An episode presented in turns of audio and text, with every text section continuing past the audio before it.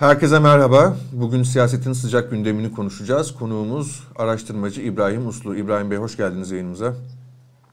Hoş bulduk. İyi yayınlar. Teşekkürler. Ee, sıcak gelişmeyle başlayalım. Ee, malumunuz dün Deva Partisi Genel Başkanı e, Sayın Ali Babacan e, Twitter üzerinden bir açıklama yaptı ve gündeme bomba gibi düştü. Ee, izleyicilerimize hatırlatalım. Şöyle demiş Ali Babacan. Demokrasi ve Atılım Partisi önümüzdeki seçimlere kendi adıyla, kendi şanıyla, kendi logosuyla girme kararını almıştır. Ülkemiz için, demokrasimiz için hayırlı olsun diyor. Ee, bir sonraki tweetinde de yine şöyle demiş. Seçim pusulasında Deva Partisi'nin adını ve logosunu göreceksiniz.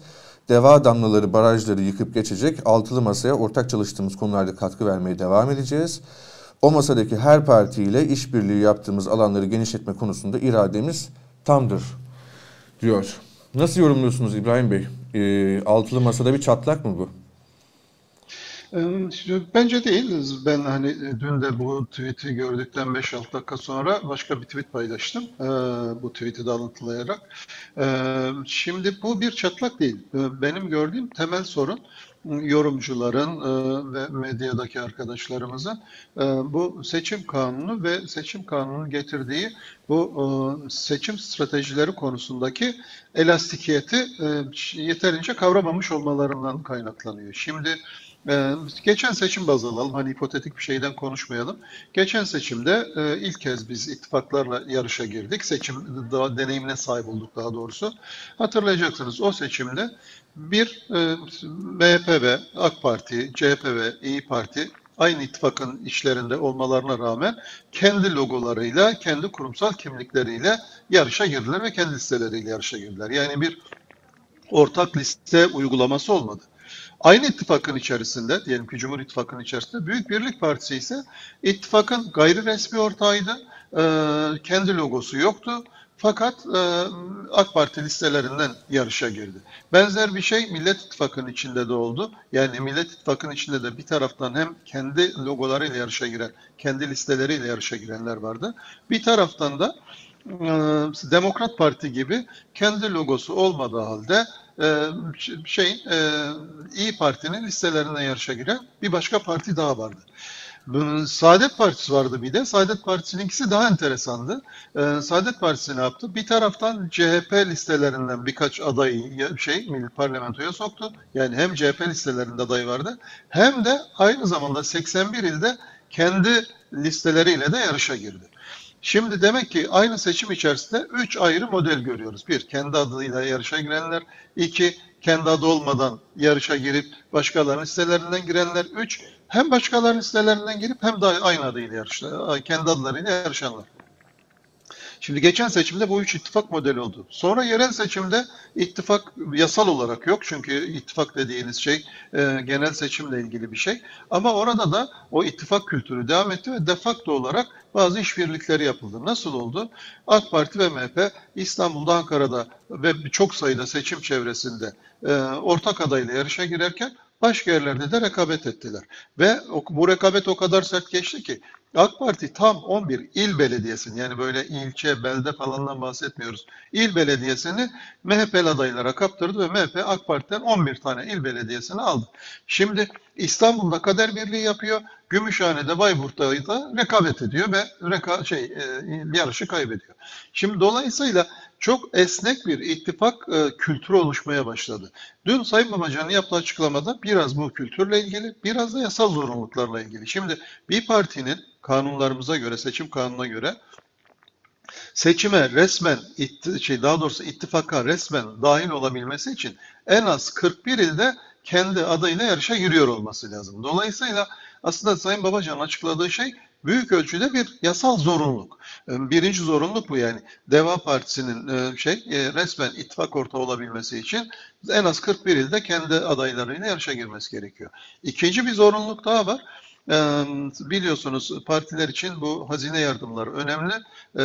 Niye önemli? Çünkü 9 ay sonra, genel seçimden 9 ay sonra da yerel seçimler olacak. Şimdi küçük bir partiyi düşünün, arka arka iki seçime giriyor ve hiç hazine yardım almadan bunu kendi imkanlarıyla götürecek. Bu da çok zor. Hazine yardım olması için ne lazım? Bir, %3 barajını aşması lazım. Tabii %3 barajını aşabiliyor olması için de kendi adına yarışa giriyor olması lazım. Başkalarının listesinden yarışa girdiğinizde o oylar sizin oyunuz sayılmıyor. Hangi partinin listesinden girdiyseniz onların o şeyine e, logosunun altına mühür basıldığı için o parti oyuyla oylar yazılıyor. Dolayısıyla hazine yardımlarından yararlanmak için de bir partinin kendi adına yarışa girmesi gerekiyor. Peki kendi adına yarışa girmesi demek otomatik olarak ittifakın dışına çıkması mı demek? Hayır. CHP ve MHP, e, AK Parti ve şey e, İyi Parti nasıl ki kendi logolarıyla yarışa girdikleri halde bir e, ittifakın ortağı idilerse e, şey e, Deva Partisi de aynı şeyi yapacak. Yani Millet İttifakı'nın ortağı olacak ama başka bir partinin listesinden değil e, kendi e, listeleriyle yarışa girecek. Peki e, bu yasal zorunluluğu yerine getirdi. 41 ilde e, yarışa girdi. E, peki 81 ilde de illa yarışa e, şey girmek zorunda mı e, kendi adaylarıyla? Hayır. Diyelim ki 60 ilde kendi adaylarıyla yarışır. Kritik 21 ilde de başka partiyi destekler. Oralarda aday göstermesi gerekmez. E, bir liste açıklaması gerekmez. E, ya da İstanbul birinci bölgede şeye diyelim ki CHP listelerine bir aday verir ve CHP'yi destekler. Şimdi dolayısıyla da çok elastik bir seçim sistemimiz var. Seçmenler de yorumcular da bu şeye elastikiyete henüz alışamadılar. Burada partiler tabii kanunları ve sistemi daha iyi bildikleri için bu elastikiyetten de yararlanarak çeşitli e, ittifak senaryoları ortaya koyacak. Mesela Sayın Kılıçdaroğlu e, 8 tane model alternatif var. Bunların üzerindeki en optimum çözüm hangisi? Onun üzerinde arkadaşlarımız çalışıyor dedi. Şimdi CHP 8 ayrı model çıkarmış. İyi Parti'nin kafasında bir model var belli ki. Gelecek Partisi yakında bence benzer bir şey açıklayacak. Çünkü Gelecek Partisi de hem ittifakın resmen ortağı olmak istiyor hem de o yüzde üç kamu e, yardımını almayı arzu ediyor. Dolayısıyla bir süre sonra Sayın Davutoğlu da benzer bir açıklama yapacaktır. Ama bu ittifaktan koptukları anlamına gelmiyor. İttifak varken zaten? CHP de kendi listeleriyle yarışa girecek. CHP ittifaktan kopmuş mu olacak? Hayır. Ya da AK Parti de kendi listeleriyle yarışa girecek. O da kopmamış olacak. Bu e, ittifak e, düzenlemesinin doğasında olan bir şey. Dolayısıyla Deva Partisi bu, bu şeyden imkanlardan yararlanarak bir adım attı sadece. Zaten e, Sayın Ali Babacan da özellikle bunun altını çizmiş tweetinde de altılı masayla işbirliğine e, bir aksaklık olmadan devam edileceğini söylüyor. Siz hatta... Hem masayla hem de tek tek partilerle bir de o evet, şey her evet. bir partiyle diyor. Yani evet. e, bazı yerlerde de bazı partilerle işbirliği yapabilirim diyor. Yani şeyi dedim ya o elastikiyeti sonuna kadar kullanacağım diyor aslında. Yasa bana çeşitli imkanlar veriyor. Ben de hepsini kullanacağım diyor özetle. Evet sizin de e, yine Twitter üzerinden e, belirttiğiniz gibi bir taraftan da e, milletvekili pazarlığı e, olmayacak Deva Partisi ile. Bu da aslında e, altılı masanın bir anlamda elini rahatlatan bir şey. Öyle değil mi? Şimdi e, eğer bütün partiler biz tek liste yarışa girelim diyecek olsaydı ve kendi adlarına girmeyi göze alamasalardı e, o zaman doğal olarak e, her biri o büyük partilerden belli sayıda milletvekili için pazarlık yapmak zorunda kalacaktı. Bu partiler açısından sıkıntılı bir şey. Yani çok isteseniz başka bir şeyi, az isteseniz başka bir şey, kendi teşkilatlarınızı mutlu etmeniz gerekiyor. Hepsi diyor ki yani kazanmak önemli değil ama ben bu ilde diyelim ki işte Van'daki Deva Partisi teşkilatını düşünün. Bir il, ili kurduk, ilçeleri kurduk, çok sayıda insan var ve biz burada kendi ismimize yarışa girmek istiyoruz ama siz bize bu olanağı vermiyorsunuz. Ben aday olmak istiyorum, olamıyorum falan. Yani bu partiler içerisinde partilerin şeyini bozan, doğasını, kimyasını bozan bir şey. Yani siz bir partiyseniz o zaman kendi adınızla, kendi kadrolarınızla, kendi adaylarınızla yarışmanız gerekiyor. Ama çok olağanüstü durumlarda bunu yapamayabiliyorsunuz bazen. Ee, ama burada Deva Partisi'nin özgüveni yerinde.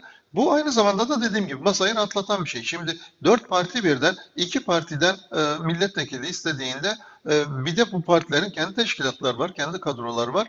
Nasıl paylaştıracaksınız? Bu çok sorunlu bir şey. O yüzden e, esas olan partilerin kendi adaylarıyla yarışması ama rakiple daha iyi mücadele edebilmek için bazı kritik seçim bölgelerinde özellikle büyük seçim çevrelerinde ortak liste çıkarmak gerekirse 81 ildeki listeleri konuşmak yerine diyelim ki sadece İstanbul, Ankara, İzmir, Bursa falan gibi yerlerde ortak liste müzakereleri yapabilirler. Bazılarında anlaşırlar, bazılarında anlaşamazlar ama bu elastikiyet ittifakın elini rahatlatıyor artık. Yani 81 ilde ben her bir parti 6 partilik düşünmek zorunda. Niye kalsın? Bu, bu çok zorlayan bir şey ve ittifakın bir süre sonra ahengini bozabilecek bir şeydi. Şimdi bu risk ortadan kalkıyor. Yani en azından Deva Partisi ben ortaklarıma sorun çıkarmayacağım dedi. Herkes her türlü işbirliğini açığım ama prensip olarak kendi adaylarımla giriyorum dedi. Bence iki büyük parti çok rahatlamıştır. Şimdi Gelecek Partisi rahatlamıştır. Çünkü artık bir e, şey e, teamül oluşmaya başlıyor.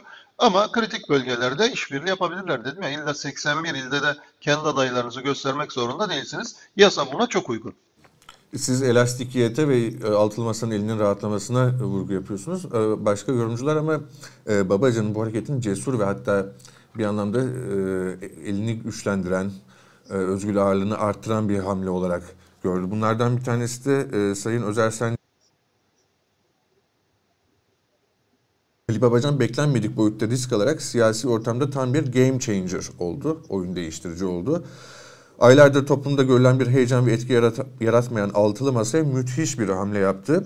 Durağan siyasi ortamda inisiyatif almak riskli olabilir ancak önemli bir liderlik özelliğidir ve beklenmedik sonuçlar üretebilir. Deva kurulduğundan beri böyle cesur bir hamle yapmamıştı diyor. Katılıyor musunuz Özer Bey'in söylediklerine? Tabii tabii yani şimdi devanın kurulması başlı başına bir cesaret. Yani düşünün bir partiden ayrılıyorsanız hakim parti 20 yıldır girdiği bütün seçimleri kazanmış bir parti C dominant bir parti e, ve siz oradan ayrılıp bir parti kurmayı göze alıyorsunuz. Şimdi bu zaten başlı başına bir cesaret.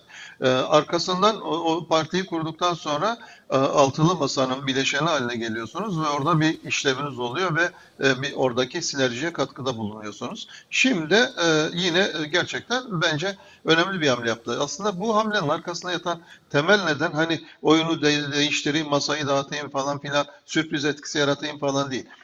Çok rasyonel bir beklentiyle bunu yaptılar. Varsayımları şu. Ee, biz yeni bir partiyiz. Daha önce hiç seçime girmedik. Aslında bizim sadık seçmenimiz yok. Çünkü sadık seçmen olabilmesi için arka arkaya iki seçimde aynı partiye oy vermiş olması lazım. Yani e, şey literatürdeki tanımı bu. Bizim dolayısıyla sadık seçmenimiz yok. Çünkü arka arkaya iki seçime henüz girmedik. E şimdi bize gelmeyi düşünen insanlar diyelim ki AK Parti'de mutsuz bir seçmenim ben ve e, gidecek bir parti arıyorum. Ve Deva Partisi de ilgimi çekti. Ve ben Van'da yaşıyorum. E, ya da Muş'ta yaşıyorum. Yani neyse Trabzon'da yaşıyorum. E, ama sandığa gittiğimde ben Deva Partisi'nin oy pusulasında bulamıyorum. Niye? Deva Partisi orada aday göstermemiş ya da şey belki başka partilerin listelerinde bile Deva Partisi adayı olmayabilir. Çünkü başka partilerin listesine girdiğinizde size 81 ilin 81'inde de listelerde yer vermiyorlar ki. 3 ilde 5 ilde yer veriyorlar. E, dolayısıyla geri kalan diyelim ki 5 ilde Deva Partisi'ne CHP listelerinde yer verdiler. Mutlu doldular. 20 milletvekili verdiler. Hadi yani bol kez hiç sorunsuz. Ama geri kalan şey 76 ildeki DEVA sempatizanları kim oy verecek? Ben gidiyorum sandığa bulamıyorum şeyi. Deva Partisi logosunu.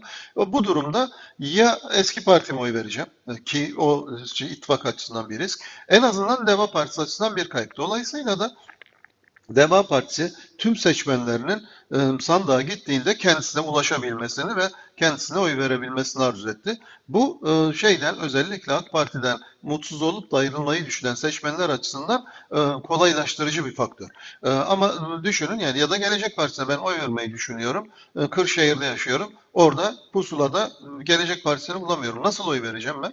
Veremeyeceğim demektir bu. Şimdi bir parti dolayısıyla daha ilk girdiği seçimde potansiyel seçmenlerini kaybetme riskiyle ve Türkiye'nin büyük çoğunluğunda çünkü dedim ya ortak listeyle girdiğinizde 81 ilde falan verilmeyecek böyle bir şey yok. Yani tahammüllere baktığınızda 3 il, 5 il neyse Oralarda listelerde yer veriliyor. E peki diğer illerdeki DEVA gelecek sempatizanları ne yapacaklar? Saadet Partisi bu yüzden CHP listelerinden girmiş olmasına rağmen, milletvekilliği almış olmasına rağmen 81 ilde aynı zamanda e, şey aday çıkardı ki kendi seçmenleri kendisine oy versin.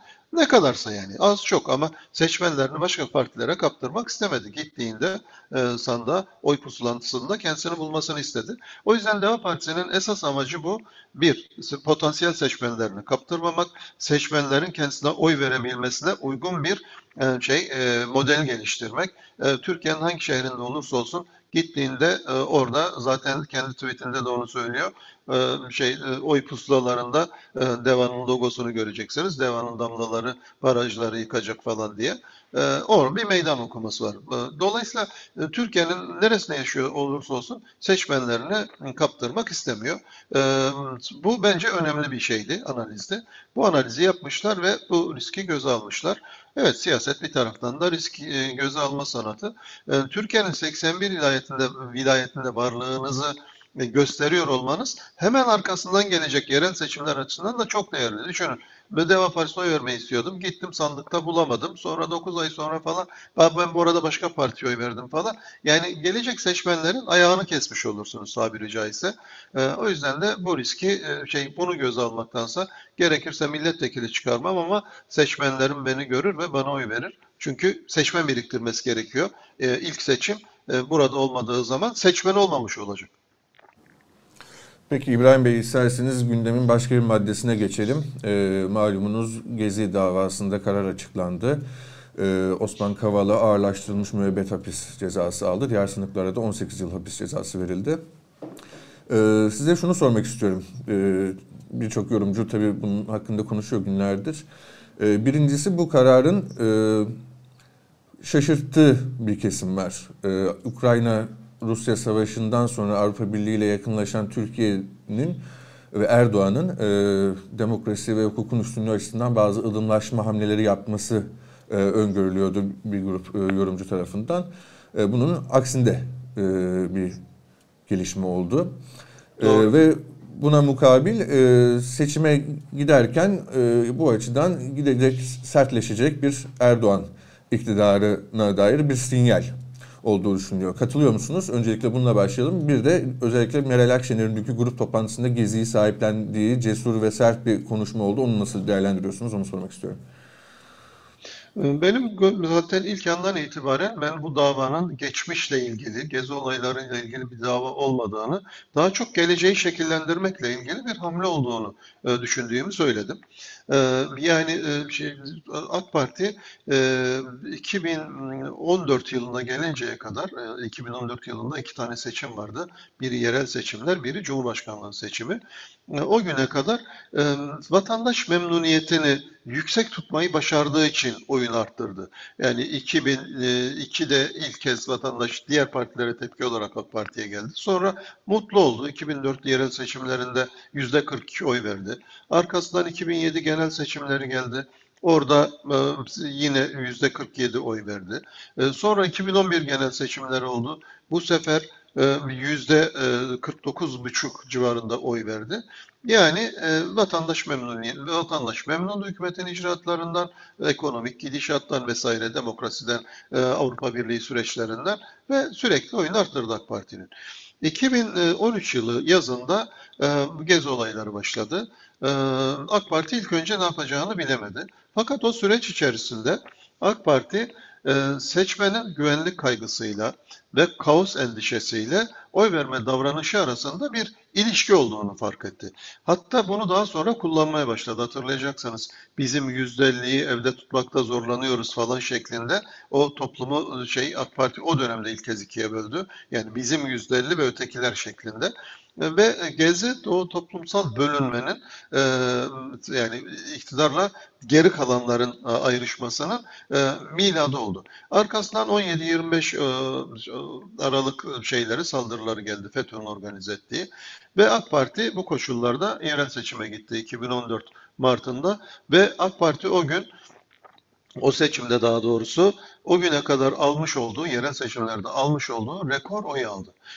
Daha önce AK Parti 2004 ee, yerel seçimlerinde %42 almıştı. Sonra 2009'da tekrar yerel seçimler oldu ama ekonomik kriz vardı o esnada. Dünyada başlayan ekonomik kriz vardı. Türkiye'yi de etkiledi. Ve AK Parti 9 e, puan oy kaybederek 47'den 38'e düştü. Sonra 2014'te e, e, oylarını yüzde 43.5'e çıkardı ve o günden sonra da yerel seçimlerde bu rakama bir daha yaklaşamadı. 2019'da da tekrar yüzde 38 oy aldı. Dolayısıyla e, güvenlik korkusu, e, kaos kaygısıyla oy verme davranışı arasındaki ilişkiyi o dönemde fark etti ve kullandı. Sonra bu ilişki tekrar e, bir yıl sonra yapılan genel seçimlerde ortaya çıktı. 7 Haziran 2015 seçimlerinde biliyorsunuz iktidar kurulamadığı için 1 Kasım'da e, tekrar edilen bir seçim oldu ve o arada 7 Haziran'la 1 Kasım arasında bir e, terör fırtınası yaşandı Türkiye'de maalesef ve vatandaş yine aynı kaygıyla yani güvenlik kaygısı ve kaos endişesiyle tekrar AK Parti'ye oy verdi. AK Parti dolayısıyla bu mekaniği çok iyi anlayınca o süreç içerisinde e, hatta 2019 yerel seçimlerinde de bunu kullanmak istedi. E, fakat ortada bu sefer bir gerçek sorun yoktu. O da bir faraziye üzerinden bunu yapmayı denedi. E, ne yaptı? Beka tehdidi, beka sorunu falan diye kodlayarak eğer biz gidersek ülkede kaos olur dedi. Fakat seçmen bu sefer ikna olmadı. Şimdi benim gördüğüm e, biraz daha erkenden ülkedeki kutuplaşmayı bir tarihsel şey var çünkü miras var burada. E, toplum e, herkes açısından gezide yaşananlar çok sıcak yani şeyin ne tarafında olursanız olun, olayın ne tarafında olursanız olun ister yanında ister karşısında olay hala sıcaklığını koruyor ve bu dava bunu tekrar hatırlattı ve dünden itibaren Sayın Erdoğan yeniden işte camide içki içtiler vesaire. E, sarayımıza, Dolmabahçe Sarayı'na e, basmaya kalktılar. E, Başbakanlık ofisini işgal etmeye kalktılar falan gibi. O dönemde yaşanan kötü hatıraları bir kısmı doğru, bir kısmı tartışmalı kötü hatıraları yeniden hatırlatmaya başladı insanlara. Yapmaya çalıştığı şey bu dava üzerinden bu kutuplaşmayı tekrar harekete geçirmek ve kendi seçmenlerini e, yeniden konsolide etmek. Karşıda bir muhalefet oluşturarak kendi seçmenlerini e, bir şey olay üzerinden ve orada oluşan siyasal kimlikler üzerinden konsolide etmeye çalışıyor. O yüzden bu karar e, şeyle ilgili, e, dünle ilgili bir şey değil, yarınla ilgili bir şey.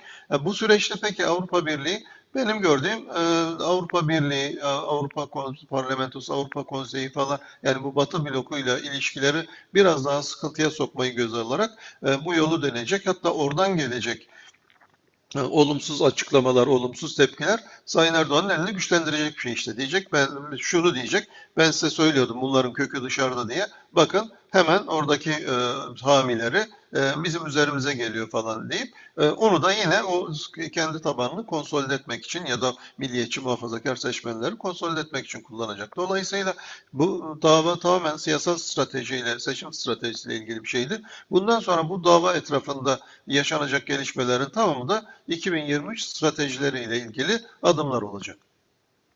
Akşener'in açıklamalarına ne diyorsunuz peki? Yani Erdoğan'ın bu hamlesine... Özür dilerim. Onu unuttum. Ee, Sayın Akşener gezi olayları ilk olduğunda da aslında olumsuz bir tavır almadı hiçbir zaman. Hatta benim oğlum da oradaydı dedi. Gerçekten e, aileyi tanıyanlar o şey e, yani e, oğlunun gezi olaylarına da katıldı, o protestolara katıldığını biliyor. Yani bir sadece hani siyasi retorik falan değil, gerçek bir olaydan bahsediyoruz.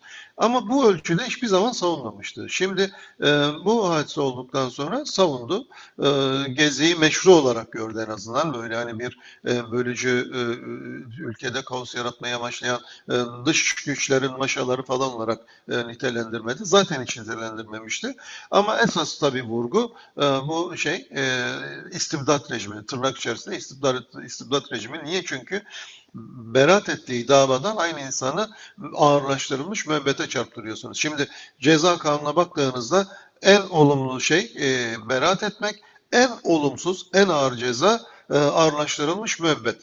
Türkiye'de ölüm cezası olmadığı için. Yani bir uçtan öbür uca. Şimdi inanılmaz bir şey. Üstüne üstlük o dönemde o herkesin rahatsız olduğu e, görüntüleri yaratanlar da yargılanmadı bile. Yargılananlar da beraat etti. Yani o, o terör örgütleri, bayraklar, rasanlar vesaireler onlar yargılanmıyor. Yargılananlar kim? Sanatçılar, mimarlar, sivil top, toplum önderleri falan. Şimdi öyle olunca bunun e, Abdülhamit'in e, döneminin istibdat rejimiyle şeyini kurdu, bağını kurdu, benzerliğini kurdu daha doğrusu.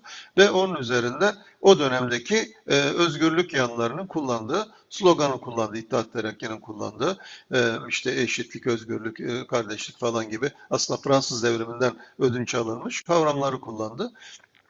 Şu mesaj vermek istedi. Türkiye'de bir istibdat rejimi var artık. Yani bir o otoriter e, karma model bilmem ne falan gibi uluslararası literatürde kullanılan kavramların ötesine geçti. Bizim tarihimizden bir kavramı kullanarak bu bir istibdat rejimidir. Çünkü insanlar aksi yere hapse atıyor. Biz de e, daha önceki e, istibdat rejimiyle mücadele edenlerin e, şeyle duruşu gibi bir duruşla bu istibdata karşı çıkıyoruz dedi. Benim gördüğüm bir taraftan da bu bu Abdülhamit dönemini vesaireyi falan iyi bilen muhafazakar tabana da bir göndermede bulundu. Bu Akşener açısından ama yani yeni bir şey değil. Başından beri aslında Gezi'ye benim evladım da oradaydı diyerek zaten destek vermişti. Son olarak şunu sormak istiyorum İbrahim Bey. Şahsen merak ettiğim bir şey. Siz de az önce söylediniz. Sonuçta bu davada dediğiniz gibi e, sanatçılar, mimarlar vesaire yargılandı ve yani tüm ülkenin dört bir yanında olan kitlesel bir e, e, toplumsal eylemi organize ettikleri iddiasıyla e, ve hukuksuz bir davada yargılandılar. E, nitekim halk e, seçmen e, Osman Kavala'yı bu davadan önce tanımıyordu e, bu davayla adı öğrenildi e, vesaire. Sizce seçmen, halk bu davaya ikna oldu mu? Siz e, kamuoyu araştırmacısınız. Halk nasıl Yok olmaz, olmaz. Olmaz yani ben şimdi ölçeceğiz e, bu şeyden sonra ama e, vatandaşın e, vicdanı hakikaten hepimizin vicdanı. E, vicdanı yaralayan bir karar bu. Yakın tarihimizde böyle bir karar daha oldu. E, İstanbul seçimlerinin iptali. O da bir hukuki karardı. Mahkeme kararıydı. Yüksek Seçim Kurulu aynı zamanda bir yüksek mahkeme işlevi görüyor. E, ama e, vatandaş ben şey e, tesadüf e, şeyden önce mahkeme kararının açıklanmasından yarım saat önce sizin gibi program programa bağlandım ve orada e, program yapan arkadaşım sordu. Ne bekliyorsunuz dedi. Ben e, seçimin iptal edileceğini bekliyorum dedim. O e, hani biraz şey olur mu canım nasıl olacak falan diye biraz ikna olmadı. Fakat biz kapattıktan yani yayın bittikten 5-10 dakika sonra flash haber düştü ve iptal edildi diye. Sonra apar topar tekrar beni bağladılar. Peki ne olacak dediler yani şey iptal edileceğinizi tahmin ettiniz. Bundan sonra ne olacak? Bunun haksız bir mahkeme kararı olduğunu herkes farkında ve kamunun adalet duygularını e, rencide eden bir şey bu. E, o yüzden de e, buna olumsuz tepki gelir ve ikinci seçimde tekrarlanacak seçimde makas açılır dedi. Yani şimdiden kaç puan açılır falan onu bilemeyiz ama şu an bu foto finişle biten yarış çok açık ara biter. Çünkü bu insanları rencide eden bir karar dedim. Adalet duygusunu içten bir karar demiştim. Daha tam öyle oldu. Gerçekten öyle oldu ve bildiğiniz gibi ikinci seçimde puan farkı 10 puanlara yaklaştı. Şimdi burada da benzer bir şey var. Bu insanların adalet duygusunu içten bir şey. E, yargılıyorsunuz. Tek yargılananlar dedim ya bir avuç insan. Yani milyon Türkiye'nin sadece 3 ya da 4 ilinde bu e, gezi eylemlerine olmadı. Onun dışındaki bütün illerde oldu. Ama siz sadece e, bir avuç insanı yargılıyorsunuz. Bütün bunların şeyi olarak, e, sorumlusu olarak bu terör bayraklarını asanlar vesaireler falan dışarıdalar.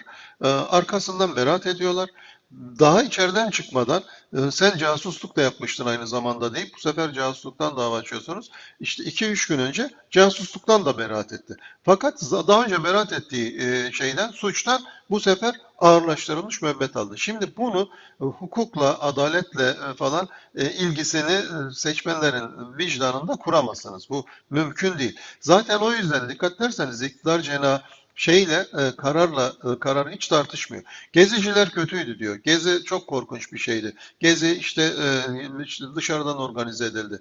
E, bu e, şey e, Osman Kavala ile ilgili de şu şu suçlar işlemiştir, şunu yapmıştır, delilleri şuradadır falan demiyorlar. Bu Soros'tur. Türkiye'nin Soros'tur deniyor. Şimdi yani e, iyi de siz Soros'la Davos'la görüştünüz zaten ya da Soros'un Açık Toplum Vakfı Türkiye'de faaliyetlerde sürdürüyor. Hatta o vakfın e, şey yöneticileriyle çok iyi ilişkilere sahipsiniz. Bir kısmı danışmanlarınız.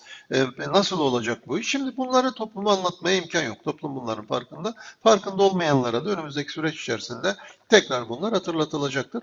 O yüzden ben bunun kamuoyuna özellikle şey muhalif eğilimlerdeki e, seçmenlerin e, vicdanının bunu kabul et, edebileceklerine ihtimal vermiyorum. Muhtemelen e, araştırmayı tamamladığımızda e, insanların büyük çoğunluğu bunun hukuki ve e, adil bir yargılama olmadığını, tamamen siyasi bir yargılama olduğunu düşünecekler. E, ben oradan hiç şüphem yok yani. Ben orada e, tüm milletimizin e, adalet duygusuna güveniyorum. İbrahim Bey çok teşekkürler yayınımıza katıldığınız için. Ben teşekkür ederim. Hoşçakalın. Hoşçakalın. Araştırmacı İbrahim Uslu ile siyasetteki sıcak gelişmeleri değerlendirdik. Bizi izlediğiniz için teşekkür ederiz.